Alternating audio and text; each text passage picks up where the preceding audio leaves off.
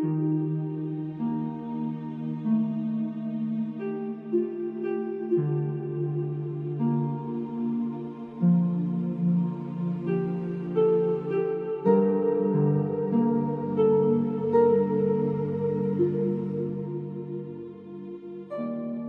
сонсогч танд энэ өдрийн мэд хөргий. Библийн хуудасаар радио сурал хичээлийн маань нэгэн шинэхэн дугаар эхэлж байна. Тэгэхээр өнгөрсөн дугаарт бид дууллын Лив номыг хамтдаа үзэж сурсан байгаа. Энд бузар муу хүний дивчин дээшлэх үеийн шаналл хийгээд эзний сүмийг дайснууд бузарлах үеийн тэрхүү залбирал авралын дуунуудыг хамтдаа сонссон байгаа. Тэгэхээр бурхан яагаад бузар муу хүмүүсийг дивчин дээшлэхийг зөвшөөрд юм бол Энэ асуулт зөвхөн өнөөдөрт л байгаа юм биш. Өнгөрсөнд ч мөн одоод ч ирээдүйд ч байх нь гарцаагүй. Игэлжээрийн бидний нүдээр харахад бузар замаар мөнгө олж хүлжсэн хүмүүс зовлон бэрхшээлгүй амьдарч харин бурхны хүмүүс илүү их зовлон туулан туучин гардаг юм шиг санагддаг. Тэгэхээр энэ бүгдийг эргцүүлэн бодох бүр яагаад ямар ухраас вэ гэсэн асуултын хариулт тодоос тод биднийг дотроос мань зовоож шаналгадаг. Тэгэхээр та боддоо Үнэхээр хайралмар хүндэлмээр бурханлаг хүмүүсийн амьдралд маш хүнд хэцүү асуудлууд тохиолдгийг бид хардаг. А тэгсэн хэрнээ хүний хүч хөдөлмөрийг шулж доромжилж бардам дээгүр зантай бузар муу хүмүүс улам илүү дивжин дээшилсээр байгаа нь үнэхээр шудраг бас санагддаг. Гэхдээ бурхан бол биднийг өөрсдөөс мань илүү мэддэг нэг. Бидний оюун бодол бурханыхаас өөр. Эзний харж байгаа төлөвлөж байгаа болгон бидний харж төлөвлөж бидний ойлгон ухаардгаас илүү дээгүүр юм аа. Тийм учраас эзэнд бүхий л амь амьдралынхаа талбаруудыг эдгээр ойлгохдохгүй байгаа, тодорхойгүй байгаа асуултуудыг амьдралынхаа бүхий л замуудыг түнд өргөцгөе. Тэгээд бидний хийх зүйл бол зөвхөн эзэн бурхандаа итгэж найдах. Ягаад тэгэхээр эзний үг бидэнд нэгэн гайхамшигт зүйлийг илчлэн харуулдаг. Энэ зүйл бол бурхан хайртай хүмүүсээ ичгүүрт оруулдаг юм аа. Амен. Тэгэхээр цаг нь ирэхэд Бурхан тэр бүх хариултыг бидэнд хэлж өгөх болно. Паул ийхүү хэлсэн байдаг. Одоохондоо бид хугасхныг мэдж байгаа ч гэсэн цаг нь болоход бид бүх зүйлийг таньж мэдэх болно гэж хэлдэг. Тэгэхээр энэ цаг мөчид Бурханы нэгэн гайхамшигтай мөн чанарыг хамтдаа санаж түүнийг амаараа тунхаглаж алдаршуулцгаая. Бидний Бурхан бол итгэмжит юм аа. Амен. Тиймээ та яг одоо чангаар эснийг итгэмжит байдлынхаа төлөө түүний итгэмжит мөн чанарын төлөө түүнийг алдаршуулаарай. Тийм ээ эзэн бол итгэмжит юм аа. Бид амьдралдаа хаашаа явхаа мэдхээ болох тэр харанхуу бүрхэг бүүдгэр өдрүүдэд бурхандаа илүү ойртож, бурхнаасаа илүү зуурч амьдрах хэрэгтэй. Ингээд хамтдаа өнөөдрийн хичээлдээ орцгоё. Бид өнөөдөр дуулал номынхон 76, 77, 78 дугаар бүлгийг хамтдаа уншиж судлах болно. Ингээд хичээлийн энэ цагаа бурхан даатгаж хамтдаа залбирцгаая. Хайр инэрлэр дүүрэн бурхан аав минь таньда энэ цаг мөчид бид таны юм нэрээд таны үгийг хүсэмжлэн залбирч байна. Тимээ их эзэн минь та бидний амьдрал тохиолдог зовлон бэрхшээлийн дунд та бидэнд тайтгарал, тайвширлыг өгдөг. Эзэн таны гайхамшигтэ мөн чанар, таны гайхамшигтэ үгийн төлөө талархаж байна. Эзэн минь та өнөөдөр ч гэсэн амьд ариун үгээ өгөөч. Эдгээр бидний амьдрал тохиолдож байгаа олон үйл явдлууд яагаад бидэнд тохиолдсныг бид сайн мэддэггүй. Харин яагаад гэдгийг Бурхан та мэдж байгаа бөгөөд учир нь та бидэнд итгэмжит байна гэж амласан. Тиймээс эзэн минь ээ бид өдр болгон таны үгээр тижээгдэн тэтгэгдэж бид тэнхэрч бид хүчрхэгжиж өдр болгон таны хүслийн дагуу амьдрахыг хүсэж байна. Аваа бидний амь амьдралаар бидний өөрчлөлтөөр эзэн бидний өчүүхэн дорой гэрчлэлээр дамжуулан та алдаршаарай. Энэ цагийг та өргөжлүүлэн ивэж өрөөж өгөөрэй. Бүх зүйлийг таны ариун сүнсний мотор төргөж эзэн Есүсийн нэрээр залбирanгуйж байна. Амен. Ингээд хамтдаа жаргал агшиг хичээлд анхаарлаа хандуулцгаая.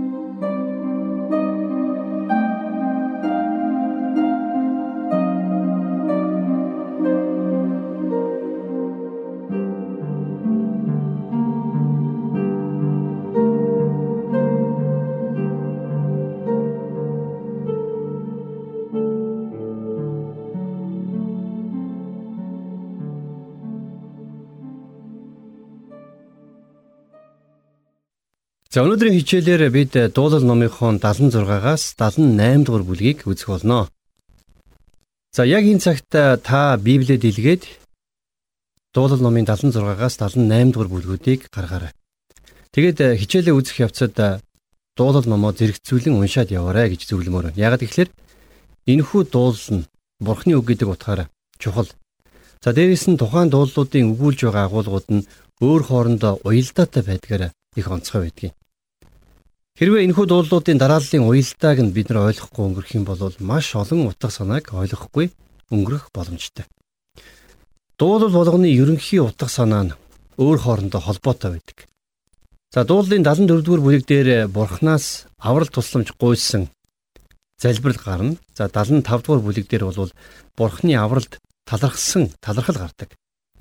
За харин 76-р бүлэг дээр бол бурхан өөрийн аварсан ард түмнийг хаанчилж байгаа тухай дүр зураг гарах юм. За ингээд э, хамтдаа одоо дуулал номынхоо 76 дугаар бүлгийг дэлгээд нэгээс 2 дугаар ишлэгийг нь уншийе. Бурхан Юдад мэдэгдсэн байна. Түүний нэр Израиль даавга.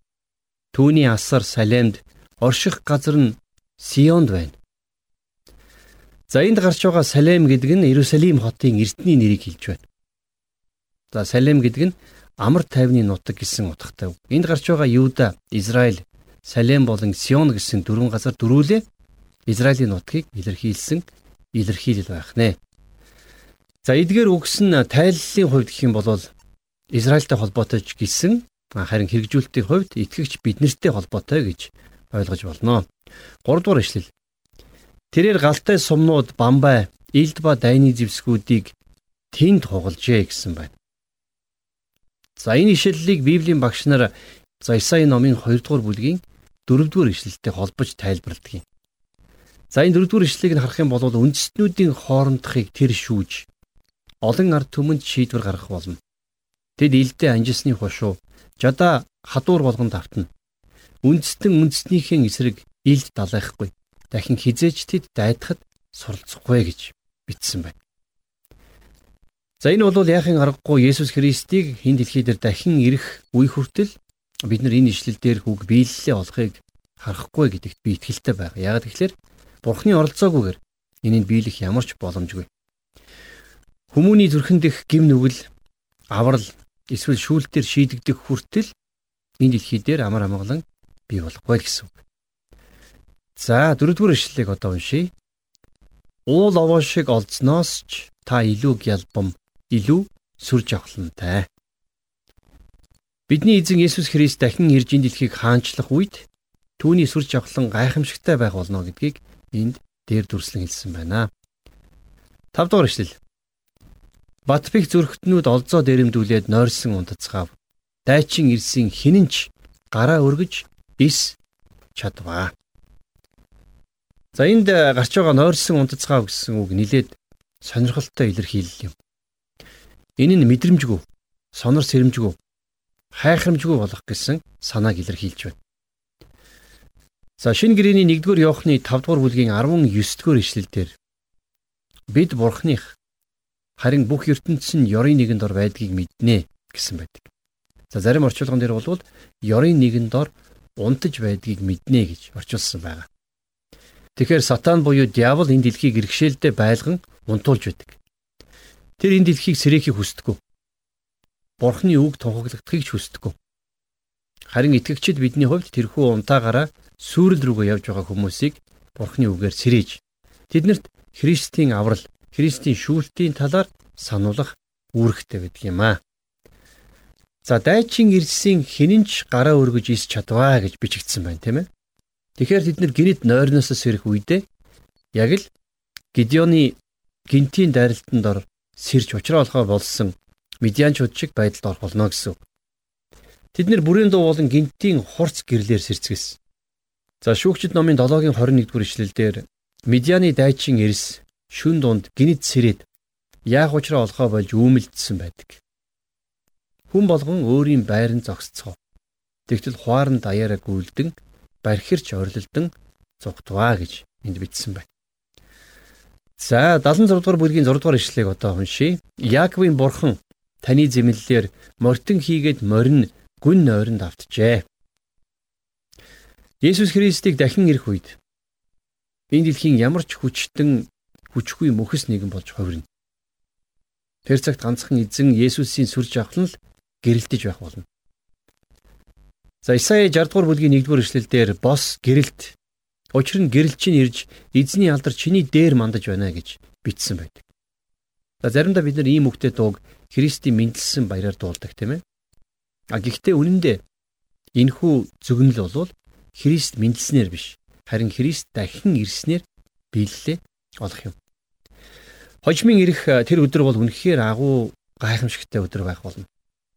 За энэ тухай Исаи номын 4-р бүлгийн 5-р эшлэлдэр эзэн Сион уулын бүх дэвсгэр болон чуулгануудынхын дээгүр өдөр нь үүл утаава шүнэн дүрлэлтсэн галын гэрлийг бүтээх болно. Учир нь бүх сүр жавхлангийн дээгүр бүрхүүл байх болно гэсэн байна. За энд яригдж байгаа тэрхүү сүр жавхлан бол Есүс Христ юм. Тэгэхээр эзний тэр агуу өдөр нь өдөр өдрөөр та биднэр лөө ойртсоор байна. 7-оос 9 Танаас зөвхөн танаас имээвэл зохино. Таныг нэгэнт уурлах үед хин өмнөд тисэх вэ?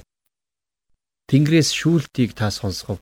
Бурхан дэлхийн дорд хүмүүн бүхнийг аврахаар шүүхийн тулд босох үед газар айж дуугүй байв гэсэн байна. Илчил номын 6 дугаар бүлгийн 7 дугаар ишлэлдэр тэдний уур хилэнгийн агуу өдөр нь иржээ. Хин тис чадах вэ гэцгээв гэж бичсэн байна. Тэгэхээр Есүс Христийг энэ дэлхий дээр дахин ирэх тэр өдөр түүний шүүлтийн өмнө зогсож чадах нэг хүнч байхгүй. Энэ дэлхийд ирэх бүх зүйлс түүний хөл дор тавигдах болно. За 10 дугаар ишлэл.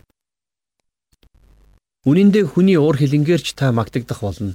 Харин уур хилэнгийн үлдгэсээр та өөрийгөө хүрээлүүлнэ. За энд юу ярьж гэнэ үг гэхээр зэрэг Христийг энэ дэлхийд дахин ирэх үед бурханлаг биш хүмүүс бурхны уур хилэн амснаа гэж хэлж байна тийм ээ. Харин Есүст итгэж бурхны уур хилэнгээс чөлөөлөгдсөн тэдгээр ариун хүмүүс бурхныг хүрээлэн бурхантай хамт байх болно гэдгийг зөвнөн иш үзүүлсэн байна. 11 дугаар эшлэлдэр Бурхан эзэндээ тангаргалж түүнийгэ биелүүл. Имээвэл зохих түүнд түүнийг хүрээлэгчдэд бэлгүүдийг барихтон. Есүсийг энэ дэлхий дээр дахин ирэх тэр үед энэ бүх үгс биелэлээ олох юм. Тэгэхээр энэ бол зөвнөл буюу хожим болох үйл явдлыг урдчилж хэлсэн байна, тийм ээ. Дуулал номын 110 дугаар дуулалын 3 дугаар ишлэлдэр Ариун ууланда та өөрийнхөө хүчнийг дагуулах өдөр таны ард түмэн сайн дураараа өөрсдийгөө өргөх болно. Үүрийн хаяанаас шүүдэр мэд таны залуучууд танд ирнэ гэсэн ишлэл байдгийг. Тэгэхэр Бурхны ард түмэн тэр цагт Бурхныхаа өмнө тангаргалж тэрхүү тангараа биелүүлнэ гэсэн. Бүх үндэстнүүд Бурхныг эзэн гэж мөргөх болно. За бас дуулалын 72 дугаар бүлгийн 10-аас 22 дугаар ишлэлдэр таршиш хийгээд арлуудын хаад бэлэг барин Шиба хийгээд Сибагийн хаад алба говчуур авчраг. Бүх хаад түүнд мэхийж бүх үндэстэн түүнд зарагдах болтугай гэж бичсэн байдаг. Тэгэхээр эзэн Есүсийн дахин ирж хаан ширээндээ залрах тэр өдөр үнэхээр гайхамшигтай өдөр байх болно гэж эдгээр олон олон дуулууд дээр урдчлан зүгнэн иш үзүүлсэн байна. За харин одоо 77 дугаар бүлгийг хамтдаа үзье. Тэгэхээр 77 дугаар бүлэг бол Бурхныг ирэл хийлж Бурхны тусламжийг хүсэмжилж байгаа залбирлыг өгүүлсэн дуулал юм. За энэ бүлгийн эхэнд удирдаачдад юдтүүний дагуу Асафийн дуулал гэсэн байна. За тэгэхээр юдтүүн гэдэг бол тухайн үед сүм дүүлжилж байсан тэргүүн хөгжимчин байсан гэж бид өмнө нь ярьж байсан тийм ээ. За тэгэхээр энэ дуулалыг Асаф юдтүүнээр хөгжимдүүлэх юм уу эсвэл дуулуулахаар зохиосон гэсэн үг. Энд Бурхныг итгэлтэйгээр хүлээж, итгэлтэйгээр хүсэмжилж байгаа хүний залбирал гардаг юм. Тэр бүх хүлээлт, тэр бүх асуултын хариултыг мөн л ариун газарт орох үедээ олсон гэж энд бичсэн байдаг. Тэгэхээр үнэхээр Бурхан өөрийнхөө хүмүүсийг хизээч мартаж орхитгүй гэдгийг бас нэг гайхамшигтай баталгаа нь энэ дуулалын утга санаанд байдаг юм аа. Хамтдаа 77 дугаар дуулал 1-ээс 2 дугаар ишлэл. Дуу хоолой минь бурханд дуу хоолой минь бурханд хашгирав. Тэр намайг дуулаасай. Зовлон шаналнгийнхаа өдөр би эзнийг хайн шөнөөрч гараас сунгон ис цуцнаа. За эндээс харах юм бол яахын аргагүй бурхныг ирэх хамгийн тохиромжтой цаг мөч бол зовлон бэрхшээлийнхаа үед юм тийм ээ. Бидний амьдралд хүнд хэцүү асуудал тохиолдох үед бид нар бурхны өмнө зүрх сэтгэлээ нээдэг. Тэгэхээр зовлон шаналлын дунд бурханд хандан хашгирах нь үнэхээр сайн. Яагаад гэвэл бурхан зовлон дундаас хашгирч байгаа өөрийнхөө хүмүүсийг хизээ шорогддог. За тэр намайг дуулаасаа гэж энд хэлсэн байна тийм ээ. Та битгий эргэлзээрээ.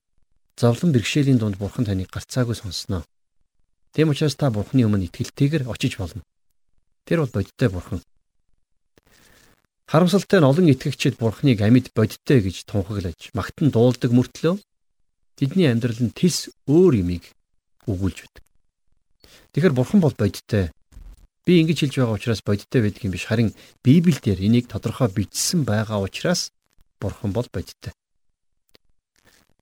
Эзнийг амсаж үзээд сайн байна уу үгүй юу гэдгийг нь мэдээ гэж Библи бидэнд хэлдэг. За тэгвэл өнөөдөр би танд хэлмээр байна. Та бурхныг амсаад үзээрэй. 7 дугаар ишлэл. Шөнөөр дууга би санана. Би зүрхэндээ бясалгах бөгөөд сүнс минь ирэл хийлнэ. За шүн бурхан дуулах үнэхээр сайхан байдаг. Гэхдээ мэдээж чанга дуулаад унтаж байгаа хүмүүсийг сэрэх тухай би өрдөөсөө яриаг. Шөнөөр дууга би санана гэж Асаф хэлсэн байна тийм ээ. Тэгэхээр заримдаа бид нэр санаа зовнилоосоо болоод шүн дунд сэрчдэг тийм. Тэгээд унтж чадлагүй элдвийг бодон эргэж хөрвөөгөө л байж идэг. Тэгээ яг нойр хөлдсөн тэр цагт асуудал маань улам бүр том болчихсон юм шиг санагдав. Харанхуйд бүх юм байгаагаас илүү том болж харагддаг шүү дээ. А гэхдээ яг л тэр үед та бурхнаа магтан дуулах дууга санаж байгаа. Бурхан таныг яг тэрхүү дуугаар дамжуулан тайвшруулдаг юм аа. За 6 дугаар ишлэл. Эзэн үрд хайн гэж юу? Тэр дахин хизээж таалан авахгүй юм уу? Инэрл хайр нь мөнхөд барагдсан уу? Амлалт нь мөнхөд үгүй болсон уу? Бурхан нэгүүлсэнгүй байхаа мартсан гэж үү? Тэрээр уурандаа өршөөлө зогсоосон юм уу? За яг ийм асуултыг бурханд итгэдэггүй хүмүүс биднээс асуудаг тийм ээ. А гэхдээ мэдээж заримдаа бид нар ч гэсэн өөрөөсөө эдгээр асуултыг асуух үе гардаг. Магадгүй таа ч гэсэн бас ингэж асууж л байсан байх. Маш олон итгэгчид үйл итгэгч мэтээр амьдрдгаа гэдгийг та мэдэх үү? Бид нар бурханд итгэдэг гэсэн хэрнээ огт итгэдэггүй хүн шиг. Бурхан огт залбирлыг минь сонсдоггүй юм шиг. Бурхан биднийг яг мартчихсан юм шиг л амьдрдаг. Тэгээ бурхан биднийг нэгүүлсгээ болчихсон юм шиг тийм ээ. Бидэнд таатай санагдахаа болчихсон юм шиг амьдрч байх үе олондоо тохиолддог. Би энд хэлмээр байна. Бурхан бол үнэхээр сайн.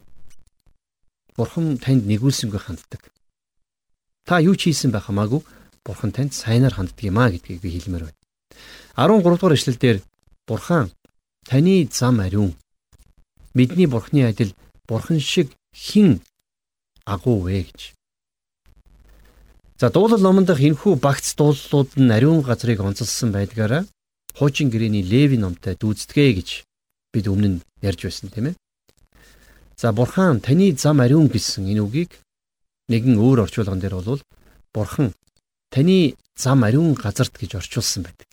Өөрөөр хэлэх юм бол энэ нь итгэгч биднийг хамтдаа бурхны өмнө үргэлж очиж байхыг сануулсан ятгалаг гэж Библийн багш нар тайлбарладаг. За еврейчүүдэд бичсэн загтлын 10 дугаар бүлгийн 25 дугаар ишлэлдэр хамтран цуглахыг умартан зуршил болгосон зарим хүмүүсийг үл дагаж харин нөгөө өдөр ойртож байгааг харах тусмаа бие биенээ илүү зоригжуулъя гэсэн баг. Тэгэхээр бид нар Бурхны хүмүүстэй уулзахдаа үргэлж баяртай байх учиртай. Бид нарыг аль нэг болонд ганцаараа суужгаад Библийг судалжгаад чимээгүй гараад явждаг хүн байгаасай гэж Бурхан хүсдэггүй. Бид нар Бурхны үгийг өөр хоорондоо хуваалцаж итгэлээр хамтдаа өсдөг байх ёстой тийм ээ. Бусдаасаа тасархаа онцгой мундаг итгэгчдэд би тэр болгон итгэдэг. Яг гэхэлэр Бурхан биднийг итгэлийн анхан дүүсээсээ тасархаа биш харин хамтдаа алхдаг байгаасай л гэж хүсдэг. Бид нар бүгдээрээ Бурхны гэр бүлийн гишүүд. Бид нар бүгдээрээ Бурхны үгийг өөртөө хураах биш харин бусдад дамжуулан ярьж байх учиртай. Бие биендээ ивэл өрөөл болох учиртай. Тиймээс Бурхан руу хүрэх зам ариун газарт байдаг юм аа.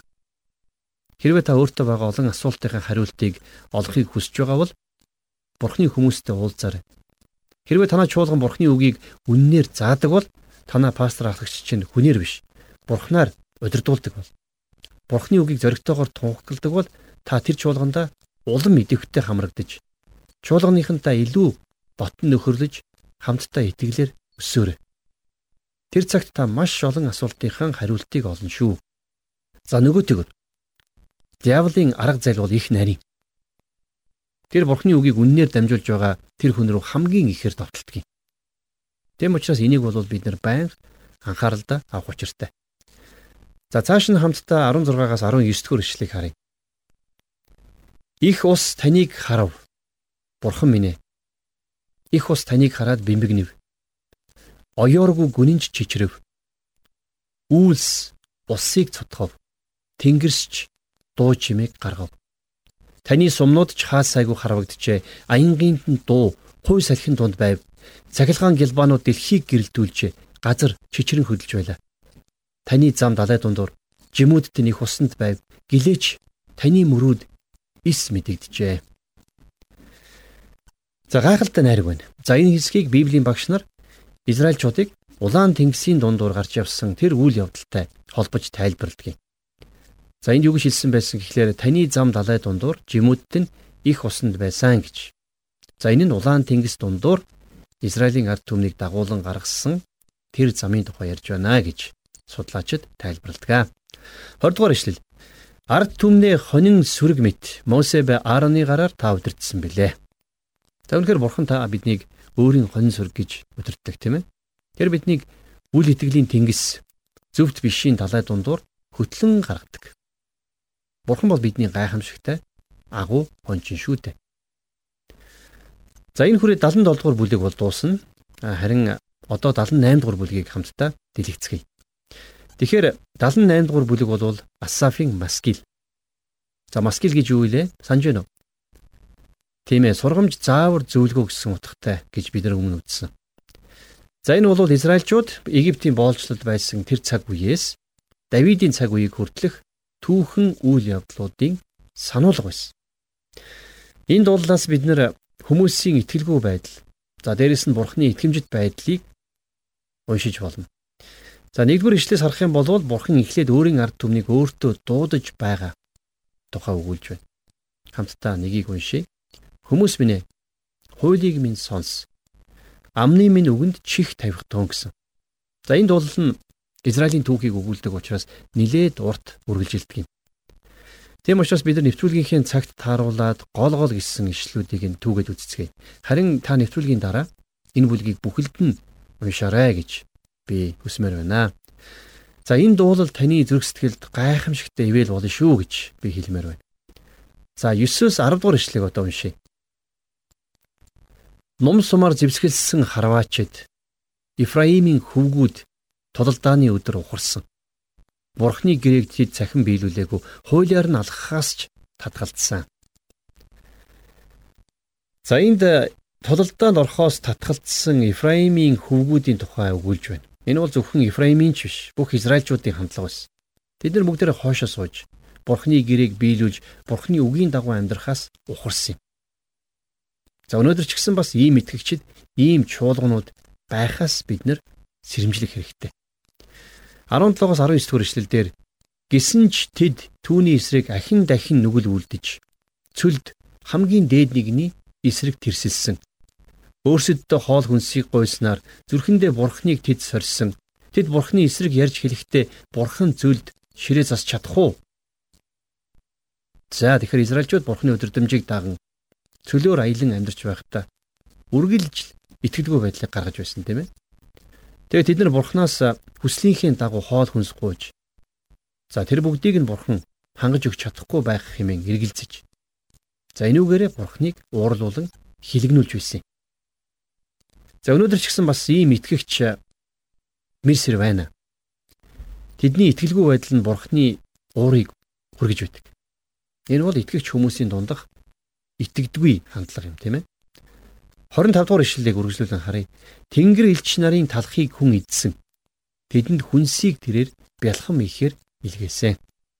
За.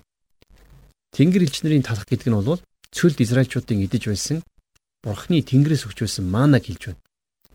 Бурхан үнэндээ бол яг тэднэрт хэрэгтэй бүхнийг нь өгч байсан. Тэгсэн хэрнээл тэд нар бурханд эргэлзэж, бурхныг шүүж, гомдлож, гойшхонж байсан. За яг энэ үйл явдлын цаар өгүүлсэн байна тийм ээ. За энэ дуулалын төгсгөлд за 70-аас 72 дугаар ишлэл дээр Давидын тухай өгүүлсэн байна. Бас зарц Давидыгаас сонгон хоньны хашаанаас авсан тэр хургтай хондийг даган явхаас болиулан өөрийн ард түмнийг Яаковыг өөрийн өв Израилийг хариулуулахаар түүнийг тэр авчирсан. Ингээд Давид тэднийг үнэт сэтгэлээр хариулж гарын хаан ураар удирдсан.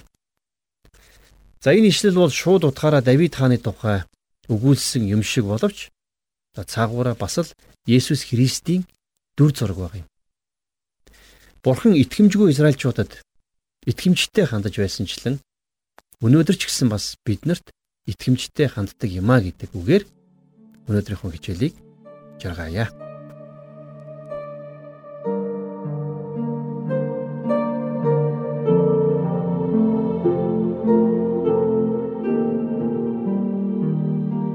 Тэгэхээр өнөөдрийн хичээлээр бид Бурханаас аврал тусламж гуйсан залбирал, Бурхны авралд талархсан тэрхүү магтаал, магтуунууд, Бурхан өөрийн аварсан хүмүүсийг хаанчилж байгаа тухай гайхамшигтай дуулуудыг хамтдаа судаллаа. Тэгэхээр энд бичигдсэн өнөөдөр бидэнд илгээж байгаа гайхамшигтай сайн мэдээ бол эзэн Есүс Христ дахин ирж мөнхийн мөнхөд хаанчлах болно. Амен. Тийм итгэгчд бид өнөө маргаашаа харах биш харин Өвнийн ирээдүг харж Есүс Христийн дахин ирэлтийг хүлээж түүний Тэнгэрийн усад биднийг хүлээж үе тэрхүү мөнхийн шагналыг харж амьдрах учиртай. Өнөөдөр энэ дэлхийн ертөнц бузар муу сүнсний иргэшээлээр унтаж байж болох ч харин итгэгч бид унтаагаараа сүрэл рүү явж байгаа хүмүүсийг Бурхны үгээр сэрэж тэдэнд Христийн аврал болон шүүлтийг сануулгах үнэхээр эрхэм чухал үүрэг хариуцлагыг тээж байгаа хүмүүс. Бид бурханлаг бус хүмүүсийг хараад өөрсдийнхөө шийдэх гэж ихэд бухимдан ятардаг. Тэгвэл зүгээр л тэднийг бурханд даатгах учиртайг бид өнөөдөр сурсан шүү дээ. Хэр бидний эзэн Есүс Христ энэ дэлхийд дахин ирэх үед бурханлаг бус хүмүүс бурхны уур хилэн амсгал. Харин Есүс Христэд итгэж Бурхны уур хилэнгээс чөлөөлөгдсөн тэдгээр ариун хүмүүс Бурхныг хүрээлж Бурхантайгаа хамт байх нэ гэдгийг мэдэх нь үнэхээр гайхамшигтай цаг байлаа. Тэгэхээр юу юунаас илүүгээр Бид эзнийг ирэх хүртэл Бурхны үгнээс зуурч Бурхны хүмүүстэй нөхөрлөж итгэлээрээ өсч амьдарцгаая. Израильчуудыг Бурхан итгэмжтэйгээр хөтлөн дагуулсан шиг өнөөдөр та биднийг ч гэсэн тэр итгэмжтэйгээр хөтлөн дагуулах болно. Тэгэхээр Израильчууд Бурхныг умартаж шийтгэл авсан шиг яг тийм алдааг бид давталгүйгээр амьдрах учиртай. Тэгэхээр энэ хүрээд өнөөдрийн хичээлээ бид хамтдаа өндөрлөе. Харин сурч мэдсэн болгоныхоо төлөө түүнд талархаж, хэрэгжүүлэх урам зориг, хүч чадлыг түүнээс гуйж залбирцгаая. Нэгүүлсэнгүй бурхан ааваа таньда энэ цагийн төлөө талархаж байна. Та Израильчуудыг цөлийн дундуур хөтлөн дагуулж, амлсан газараа аваачсан шигэ. Итгэвч биднийг ч гэсэн өнөөдөр та амьдралын дундуур туучин гарахад та бидний хөтлөн дагуулаач гэж гуйж байна. Эзэн минь ээ бид тэрхүү мөнхийн улсад очих өдрийг хүртэл танаас зурж, таны хүслийн дагуу таны замаар алхахыг хүсэж байна. Тэмээх эзэн минь ээ тэр өдрийг хүртэл бид таны өмнө гимгүй, толбгүй, цэвэр ариунаараа бид олдохыг хүсэж байна. Аваа та бидэнд ариун сүнснийхээ хүчийг дүүргэж өгөөч. Ариун сүнсээрээ бидний хөтлөн дагуулаарай. Тантай нүүр нүрээрээ уулзах тэр өдрийг хүртэл та бидэнтэй хамт алхаач аваа. Эзэн минь ээ бурханлаг бус хүмүүс таныг таньж мдээгүй байгаа тэдгээр хүмүүс та өөрийгөө таних боломжийг та олгооч. Эзэн яг энэ цаг мөчид бид санаа нэгдээ залбирч байна. Бидний эргэн тойронд байгаа хайртай дотны хүмүүсээс маань бидний эргэн тойронд ажиллаж амьдардаг хамт олон эзэн найз нөхөд элэг нэгт монголчууд маань танд хараахан итгэж амжаагүй байна. Тиймээс эзэн бид тэдний ам амьдралыг ирээдүйг он жилүүдийг тэдний итгэл сүнсийг бид таны моторд өргөн залбирч байна. Цаг нь болоход сайн цаг нь ирэхэд эзэн та тэдэнд амийн үгээ, амийн усаа, амийн талхаа өгөөч гэж гуйж байна. Мөнхийн эзэн минь таньда талархаж байна. Мөнх амийг та тэдгээр бүхий л хүмүүст гахамштайгаар дүүргэн өгөөрэй. Тань талархан эзэн Есүсийн нэрээр залбирanгуйлаа. Амен.